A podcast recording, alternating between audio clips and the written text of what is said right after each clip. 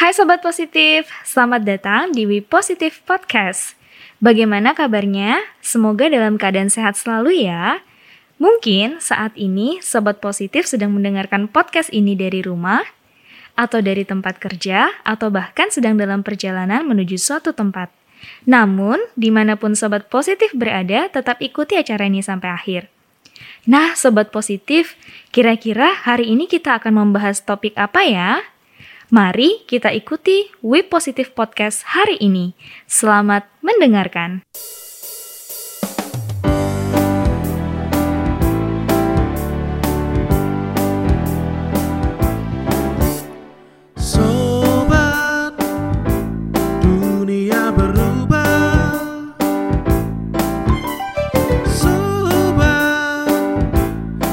Tetaplah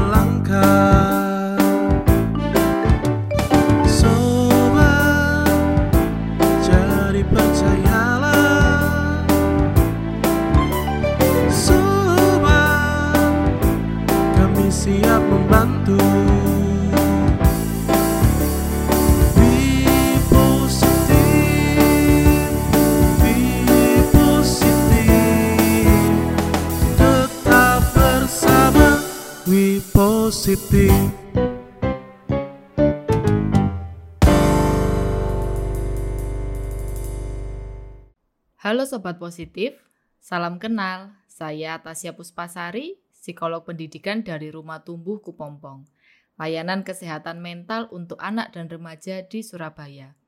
Pada podcast kali ini, saya ditemani oleh rekan saya, Saya Elizabeth Santoso, psikolog klinis anak di Rumah Tumbuh Kupompong. Kami berdua merupakan psikolog yang selama ini bekerja untuk membantu anak-anak dan remaja dengan kesulitan belajar, perilaku, maupun emosi. Jika papa mama membutuhkan bantuan pendampingan, konsultasi, maupun pemeriksaan untuk anak dan remaja, kami ada di Surabaya dan siap membantu papa mama. Nah, hari ini di podcast We Positive, kami akan ngobrol-ngobrol nih mengenai topik yang pada masa pandemi ini tampaknya masih sering menjadi kekhawatiran untuk orang tua. Kami pun selama praktek di klinik sering kali menjumpai kasus-kasus yang mengeluhkan hal yang serupa, yaitu tidak lain dan tidak bukan adalah keterampilan sosialisasi atau interaksi sosial anak-anak.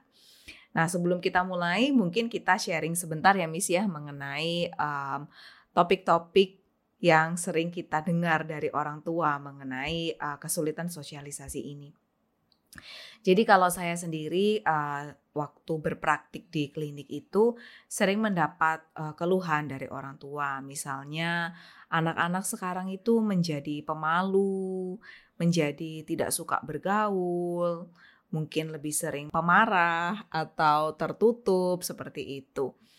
Um, salah satu hal yang mengakibatkan bisa jadi karena di masa pandemi ini memang kesempatan untuk anak-anak itu berinteraksi langsung dengan teman-teman sebayanya itu sangat berkurang. Apalagi sekolah ini masih buka tutup gitu ya, belum sepenuhnya dibuka untuk anak-anak. Padahal dulu sebelum pandemi sekolah itu adalah salah satu tempat di mana anak-anak itu bisa bersosialisasi dengan bebas dengan teman-teman sebayanya. Sekarang uh, kesempatan ini jadi berkurang begitu.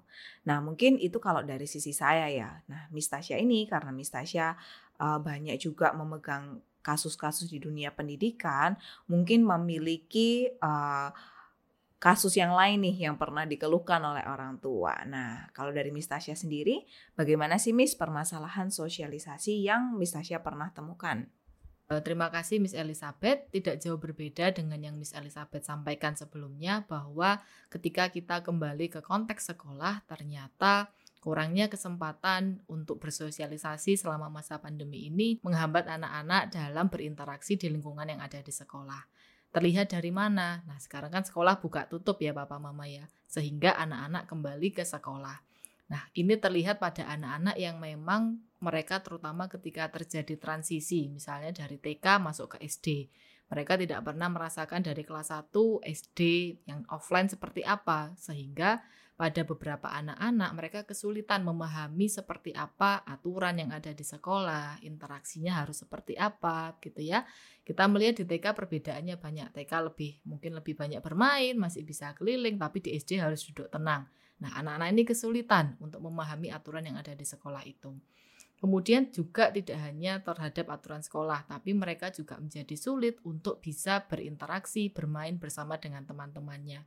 Termasuk misalnya kalau tiba-tiba mainannya direbut, mereka harus seperti apa gitu ya. Kemudian misalnya juga oh bermainannya sekarang harus bergantian. Nah, bagi beberapa anak situasi ini menjadi sulit karena mereka belum punya bekal kemampuan sosialisasi yang kuat. Nah, e, sebenarnya kalau tentang tumbuh kembang anak ya papa mama, kita biasanya melihat anak-anak itu kan bertumbuh secara fisiknya, secara kecerdasannya, secara bahasanya gitu ya yang dulu cuman bisa bicara dengan kata-kata yang sederhana, lalu sekarang anak-anak sudah bisa mengungkapkan hal-hal yang lebih uh, advance begitu ya. Nah, sebenarnya ada satu aspek perkembangan yang juga penting untuk kita perhatikan, yaitu uh, keterampilan sosial ini sendiri. Jadi sebenarnya buat anak-anak, keterampilan sosial itu bukan sesuatu hal yang tiba-tiba mereka punya tapi itu tumbuh gitu sejak mereka kecil sampai usia mereka saat ini. Dan uh, kalau kita lihat dari definisinya sendiri ya, sosialisasi ini merupakan interaksi timbal balik antara dua orang atau lebih. Nah, timbal balik itu seperti apa? Bayangkan kalau misalkan papa mama itu sedang bermain badminton. Ada orang yang akan melakukan serve gitu ya, yang apa melempar kok atau menangkis kok pertama kali. Lalu harus ada pihak lain yang juga merespon dengan menampelnya kembali. Nah, sosialisasi itu sebenarnya seperti itu. Sehingga di sini kata kuncinya adalah ada lebih dari satu orang untuk berinteraksi. Sayangnya di masa pandemi ini kebanyakan anak-anak berinteraksi satu arah. Misalnya mereka menonton TV atau mereka uh, berkomunikasi tapi sebatas melihat uh, gurunya mengajar melalui video online misalnya. Nah, di sana tidak ada uh, situasi di mana dua pihak ini saling menimpali gitu kan. Jadi misal satu pihak berbicara apa, pihak yang lain hanya mendengarkan secara pasif. Itulah kenapa biasanya anak-anak yang suka dengan pembelajaran interaktif menjadi cepat bosan atau menjadi kurang terstimulasi gitu semangat belajarnya. Nah, bentuk-bentuk dari sosialisasi sendiri ini banyak sekali Papa Mama. Dan ini perlu kita ketahui bersama supaya juga Papa Mama bisa mengamati pada anak-anak sendiri itu apakah mereka sebenarnya mengalami kendala pada aktivitas-aktivitas ini. Jadi uh, interaksi dimulai dari anak itu bertemu dengan orang lain. Misalnya kayak anak kita ajak ke suatu tempat yang baru, entah itu di uh, supermarket atau di rumah teman kita gitu kan atau di rumah teman anak itu sendiri. Bagaimana nih respon anak? Apakah dia membuka ruang untuk interaksi ataukah apakah dia merespon dengan baik interaksi? Nah, itu sudah dimulai dari sana. Dari pertama anak berjumpa dengan orang lain dan membuka atau menimpali interaksi yang diberikan oleh orang lain. Lalu juga bentuk-bentuk yang lain biasanya kalau pada anak-anak ya mengobrol, menggosip gitu ya. Anak-anak pun uh, suka gitu ya menggosip, membicarakan tentang teman, tentang guru. Ini juga adalah salah satu bentuk sosialisasi. Selain itu juga ada aktivitas bermain bersama, kerjasama nih. Kamu yang masak ya, aku yang beli gitu kan. Kamu yang sakit ya, aku yang jadi dokter dan lain sebagainya lalu bertukar informasi. Eh kemarin aku ke taman safari loh. Oh aku juga pernah loh. Aku di sana ngelihat binatang ini dan itu. Nah itu bertukar informasi.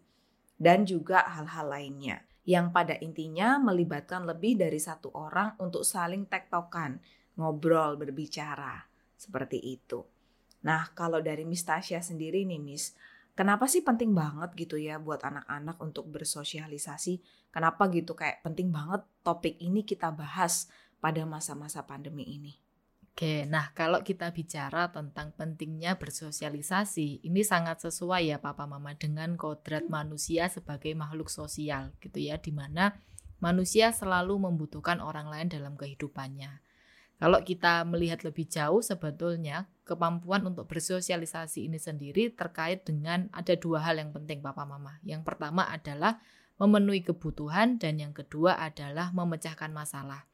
Ya, karena kita berharap dengan seperti yang Miss Elizabeth jelaskan bahwa setiap individu itu punya kemampuan yang beragam. Artinya perkembangannya ada aspek bahasa, aspek sosial, motorik, itu semua akan berkoordinasi menjadi satu supaya anak bisa adaptif atau bisa menyesuaikan diri di lingkungannya. Nah, yang pertama memenuhi kebutuhan. Apa artinya? Kita dalam kehidupan sehari-hari selalu berinteraksi dengan orang lain sebetulnya untuk memenuhi kebutuhan. Sejak anak kecil, sejak anak bayi, mereka sudah berkomunikasi, berinteraksi dengan orang lain untuk memenuhi kebutuhannya. Hanya saja mereka belum mengutarakannya dalam bentuk kata-kata ya papa mama, tapi misalnya lewat mereka menangis ya ketika anak lapar, bayi bayi yang lapar biasanya akan merengek, popoknya tidak enak karena bahasa juga mereka merengek gitu ya. Itu adalah salah satu bentuk interaksi untuk memenuhi kebutuhan. Nah, tapi seiring dengan bertambahnya usia, maka anak-anak perlu dibekali dengan kemampuan untuk bisa berinteraksi, mengkomunikasikan kebutuhannya dengan orang lain di luar lingkungan rumah. Ya, kalau awalnya misalnya ketika kecil kadang uh, hanya dengan papa mama cukup nunjuk, cukup ngerengek gitu ya, cukup uh, apa namanya narik tangan, mereka bisa dapat sesuatu. Tapi di lingkungan luar, misalnya nanti kalau mereka sudah sekolah ya, dengan guru, dengan teman, maka cara itu menjadi susah untuk dipahami oleh orang lain. Oleh karena itu anak perlu punya kemampuan tadi ya untuk ngobrol untuk bisa bertukar informasi ya, mengatakan, menyampaikan dengan jelas berinteraksi yang bisa dipahami oleh orang lain. Ya, misalnya juga nanti kalau waktu mereka bermain. Nah, bagaimana anak mengkomunikasikan saya ingin main yang itu? Gitu ya, boleh nggak saya pinjam gitu kan? Nah, itu semua melibatkan tadi kemampuan untuk ngobrol. Begitu juga ketika nanti misalnya di usia yang lebih dewasa, kerja kelompok ya bagaimana membagi tugas, bagaimana nanti mengatasi konflik dalam kelompok, ini sangat memerlukan kemampuan anak untuk bisa bersosialisasi. Ya, kemudian juga misalnya nanti kalau lebih dewasa lagi anak-anak berinteraksi di lingkungan di luar rumah. Misalnya anak punya kebutuhan untuk membeli sesuatu, bagaimana dia menyampaikan atau kadang misalnya papa mama juga pasti erat dengan uh, kata negosiasi ya bernego. Bisa nggak harganya turun gitu ya? Kemudian dapat bonus apa? Nah itu semua juga sangat terkait dengan kemampuan sosialisasi. Nah yang kedua adalah sosialisasi erat kaitannya juga dengan kemampuan problem solving papa mama. Jadi bagaimana anak bisa memecahkan masalah dalam lingkungan sehari-hari? Tanpa kita sadari ya papa mama ya sebetulnya setiap waktu kita itu dihabiskan untuk memecahkan masalah sehari-hari. Sesimpel misalnya kalau nanti udah punya pasangan atau dalam keluarga mau makan apa gitu ya. Nah, ini perlu punya kemampuan untuk ngobrol. Yang bisa ngobrol itu oh, saya bisa mengobrol dengan enak istilahnya tapi tanpa menyakiti orang lain misalnya. Kemudian juga misalnya memecahkan masalah ketika nanti berkonflik dengan teman, berkonflik dengan rekan kerja ya, berkonflik dengan Siapa pun, nah anak perlu punya kemampuan tadi berinteraksi dengan orang lain. Tentunya dalam interaksinya tidak hanya sekedar ngobrol, tidak hanya sekedar menyampaikan kebutuhan, tapi juga berkaitan erat dengan kemampuan anak untuk berempati ke orang lain.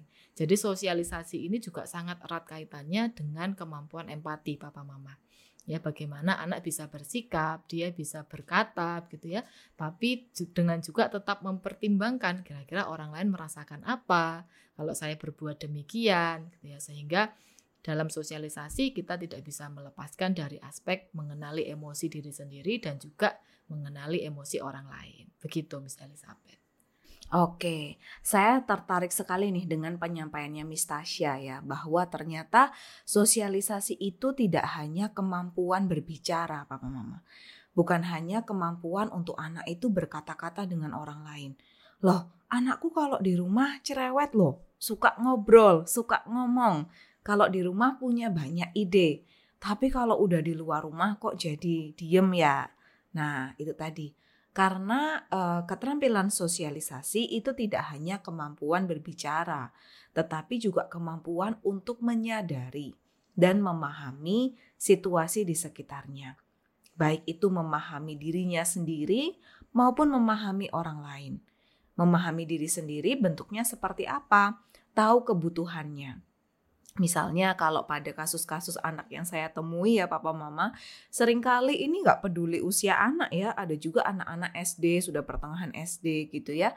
Seringkali mereka sendiri itu kesulitan untuk memahami kebutuhannya karena apa? Selama ini kalau di rumah belum dia menyatakan apa pun tentang hal yang dia butuhkan, sudah tersedia semua gitu cepat mendapatkan bantuan, cepat mendapatkan pemenuhan kebutuhan, sehingga anak tidak pernah diberikan waktu untuk menyadari sebetulnya saya ini memerlukan apa sih? Sebetulnya saya ini kepengen uh, papa mama membantu saya di mana sih? Nah, itu tidak terbiasa. Itu pun sudah merupakan salah satu bentuk permasalahan sosialisasi yang paling dasar, yaitu kurang aware atau kurang sadar terhadap kebutuhan diri sendiri. Lalu sosialisasi juga mengenai pemahaman terhadap emosi diri sendiri. Nah, sering kali kalau uh, kita mendapatkan keluhan gitu ya, oh anak-anak sekarang di rumah menjadi lebih pemurung, sulit untuk terbuka, misalnya seperti itu ya. Nah, itu menjadi kesulitan biasanya untuk orang tua melakukan komunikasi dengan anak. Apalagi kalau anak belum apa-apa gitu ya, sudah nggak mau cerita. Sebetulnya papa mama keterampilan untuk anak bisa bercerita kepada kita itu juga perlu melibatkan pemahaman terhadap emosinya. Misalkan, papa aku lagi nggak seneng gara-gara ini. Mama aku lagi kesel gara-gara ini. Nah itu pun juga memerlukan latihan pada anak-anak. Jadi sebenarnya bentuk permasalahan sosialisasi itu banyak sekali ya Miss Tasya ya dimulai dari kemampuan untuk memahami diri sendiri dan kemampuan untuk mengekspresikan atau menyampaikan pemahaman itu sampai kemampuan untuk memahami nih orang lain kira-kira merasakan apa melalui uh, perbuatan saya ini. Kalau saya memaksakan suatu permainan kepada teman, apakah mereka jadi suka atau enggak? Kalau saya memecahkan masalah dengan cara seperti ini, apakah orang lain akan setuju atau tidak? Nah, hal-hal seperti itu artinya komunikasi itu uh, atau interaksi sosial itu sangat luas sekali cakupannya, begitu. Mungkin kita akan uh, ngobrol tentang alternatif solusinya nih, Miss, di masa pandemi ini karena anak-anak uh, mungkin secara uh, aktivitas sehari-hari itu terbatas ya untuk bisa bertemu atau interaksi langsung dengan orang lain. Kalau dari Miss Tasya sendiri, Miss, kira-kira bagaimana orang tua bisa uh, mencari solusi di tengah pandemi untuk tetap membesarkan anak-anak yang terampil bersosialisasi? Nah, Papa Mama seperti tadi yang disampaikan Miss Elizabeth bahwa kemampuan sosialisasi ini bukan kemampuan yang tiba-tiba ada gitu ya atau kemampuan yang sudah anak bawa sejak lahir. Tetapi kemampuan ini dikembangkan dan juga ditanamkan selama masa perkembangan anak.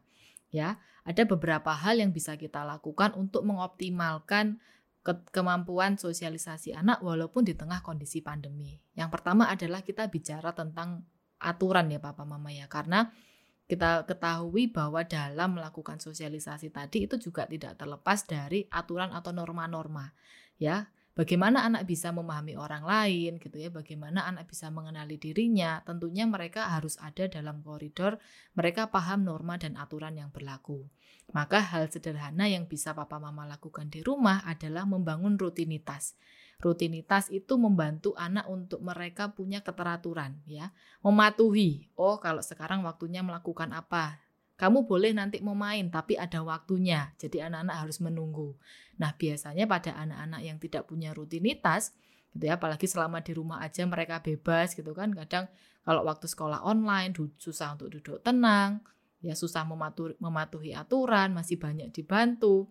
Kadang ya banyak juga ya Miss Elizabeth ya yang mama papanya harus jadi polisi gitu ya ayo kalau anaknya mulai gerak dikit diingetin ayo fokus duduk lagi. Nanti kalau nggak ada mamanya anaknya kabur lagi gitu ya. Nah itu semua tandanya bahwa anak belum paham tentang uh, aturan dan juga konsekuensinya kalau mereka tidak memfokuskan perhatiannya pada aktivitas saat itu.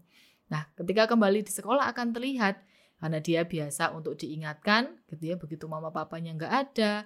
Nah ini mulai kadang beberapa anak itu mereka uh, menjadi semaunya sendiri ada anak-anak yang kalau kesulitan itu mereka akhirnya karena ingin mencari perhatian juga gitu ya mereka jalan-jalan di kelas gangguin temennya gitu. Karena mereka tidak paham sebetulnya aturannya itu seperti apa. Jadi bangunlah rutinitas. Ya kita buat kesepakatan dengan anak. Oke kamu boleh main tapi selesaikan dulu mengerjakan tugasnya. Ya itu yang menjadi penting uh, untuk anak-anak bisa punya pembiasaan terbiasa memahami aturan. Kemudian juga nah sebetulnya kalau pada anak-anak itu simple ya Miss ya, semua hal bisa diajarkan lewat bermain. Ya, tapi bermain yang seperti apa nanti Miss Elizabeth akan jelaskan lebih lanjut. Bermainnya bukan bermain di gadget ya Papa Mama ya, karena di sana tidak ada interaksi dengan orang lain ya, tapi permainan yang interaktif. Nah, juga bisa juga uh, dengan bermain peran ya.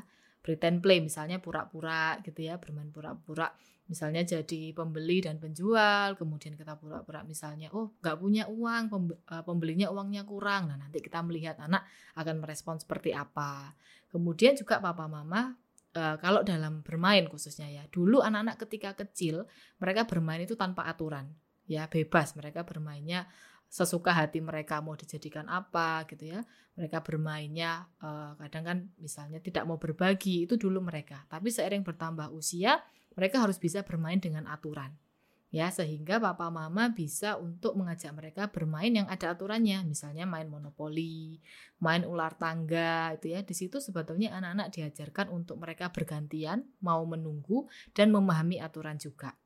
Dan yang tidak kalah penting adalah kalau anak berkonflik, misalnya kakak adik rebutan mainan gitu ya, jangan cepat-cepat kita udah-udah berhenti gitu ya atau nyuruh kakaknya untuk uh, mengalah gitu. Nah, di situ sebetulnya anak tidak melatih kemampuan negosiasinya gitu ya, melatih kemampuan untuk mereka mengatasi konflik tadi, berinteraksi. Dia akan ngomong ngobrol dengan adiknya seperti apa, menyampaikan keinginannya seperti apa gitu ya. Jadi jangan cepat-cepat untuk membantu ketika anak berkonflik, berikan ruang, berikan waktu supaya mereka mengasah tadi kemampuan problem solvingnya. Nah, kalau dari Miss Elizabeth mungkin bisa dijelaskan lebih lanjut nih yang tentang interaktif yang memperbanyak interaksi itu seperti apa sih bentuk konkretnya? Silahkan Miss. Oke, jadi ternyata walaupun waktu untuk anak itu bisa interaksi dengan teman sebaya itu terbatas, uh, kualitas dari interaksi sosial itu sendiri masih bisa kita latihkan di rumah. Jadi di sini kualitas uh, interaksi masih bisa dilatih ya papa mama. Walaupun kuantitas atau jumlah orang yang bertemu dengan anak itu terbatas di masa pandemi. Salah satunya yang tadi Miss uh, Miss Tasya sudah mention yaitu mengenai permainan interaktif. Permainan interaktif itu tidak harus dengan teman sebaya. Di rumah pun anak itu sebenarnya sudah menjumpai berbagai macam masalah yang bisa kita kembangkan untuk menjadi social skill atau keterampilan sosial. Misalnya saja kalau pada anak usia dini, diusahakan bahwa anak itu waktu untuk dia bermain satu arah, misalkan dengan gadget atau solo play bermain sendiri itu dikurangi, digantikan dengan waktu bermain interaktif bersama dengan orang dewasa. Misalnya, menyanyi bersama. Lalu di tengah-tengah menyanyi, papa mama pura-pura lupa lirik lagunya. Anak-anak harus melanjutkan atau bermain uh, pura-pura itu tadi yang Miss Tasya uh, jelaskan gitu ya. Jadi ada yang uh, ada yang pura-pura menjalankan suatu peran, lalu ada yang berperan lain dan di sana bisa saling mencoba untuk mengcreate suatu permasalahan gitu. Selain itu, permainan interaktif juga bisa dengan uh, permainan kompetitif gitu kan, perlombaan di rumah gitu sehingga anak belajar uh, perasaan ketika mereka menang, ketika mereka kalah, apa yang mesti dilakukan saat mereka menang, dan apa yang mesti dilakukan ketika mereka kalah. Juga permainan-permainan yang melibatkan banyak sentuhan, banyak obrolan dengan orang tua maupun dengan kakak ataupun adik itu sangat bagus sekali.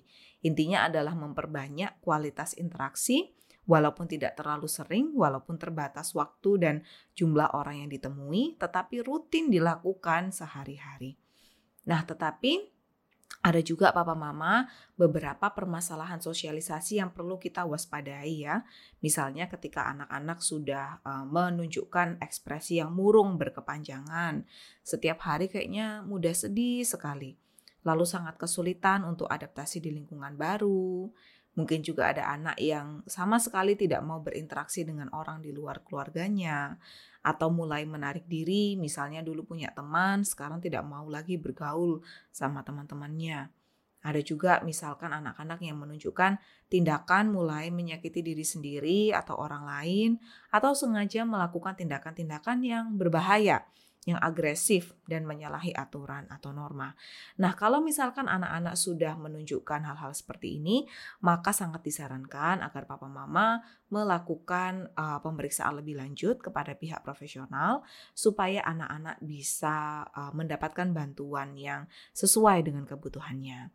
Salah satunya kalau di Kupompong itu kita bisa melakukan pemeriksaan Knowing My Child ya, di mana kita akan memperdalam kondisi emosi dan keterampilan sosial anak-anak. Di sana kita akan melakukan konseling kepada orang tua, lalu akan uh, bertemu dengan anak untuk mengetahui kendala-kendala yang mereka temukan. Setelah itu akan dilanjutkan dengan program intervensi jika memang diperlukan ya, terutama kalau uh, tindakan ataupun situasi yang sudah dialami oleh anak-anak itu mengganggu aktivitasnya sehari-hari. Misalnya jadi sulit belajar, jadi sulit untuk berteman. Nah, itu biasanya kita bantu dengan serangkaian program. Jangan takut untuk mencari bantuan papa mama karena dengan mencari bantuan kita bisa tahu sumber dari permasalahan anak dan kita bisa bekerja sama karena tidak ada yang tidak mungkin gitu ya kondisi anak itu pasti bisa diperbaiki jika orang tua dan para profesional berkomitmen untuk bekerja sama. Oke, baik. Terima kasih Miss Elizabeth. Sangat seru ya pembahasan kita kali ini. Tapi karena keterbatasan waktu Papa Mama, mungkin uh, kita punya ruang yang lain untuk mengobrol. Kupompong juga siap membantu papa mama jika memang menemui kesulitan-kesulitan dalam mengembangkan kemampuan sosialisasi anak maupun permasalahan yang lainnya. Sekian pembahasan hari ini, tetap stay tune dengan podcast We Positif dari Sekolah Citra Berkat dan Sekolah Citra Kasih. Kami akan kembali lagi pada tanggal 8 April untuk membahas topik seru selanjutnya. Terima kasih. Penerimaan siswa baru Sekolah Citra Kasih Sekolah Citra Berkat telah dibuka. Ayo segera daftarkan putra-putri Bapak Ibu ke Sekolah Citra Kasih Sekolah Citra Berkat yang ada di kota Bapak Ibu sekalian. Untuk info lebih lanjut mengenai link website Sekolah Citra Kasih dan Sekolah Citra Berkat, dapat dilihat pada We Positive Podcast description di bawah ini. Salam Citra Trainers. Sobat, jadi percayalah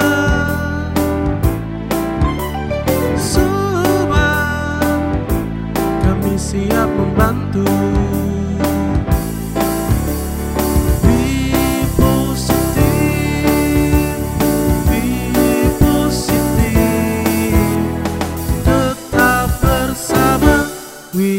Tetap bersama We positif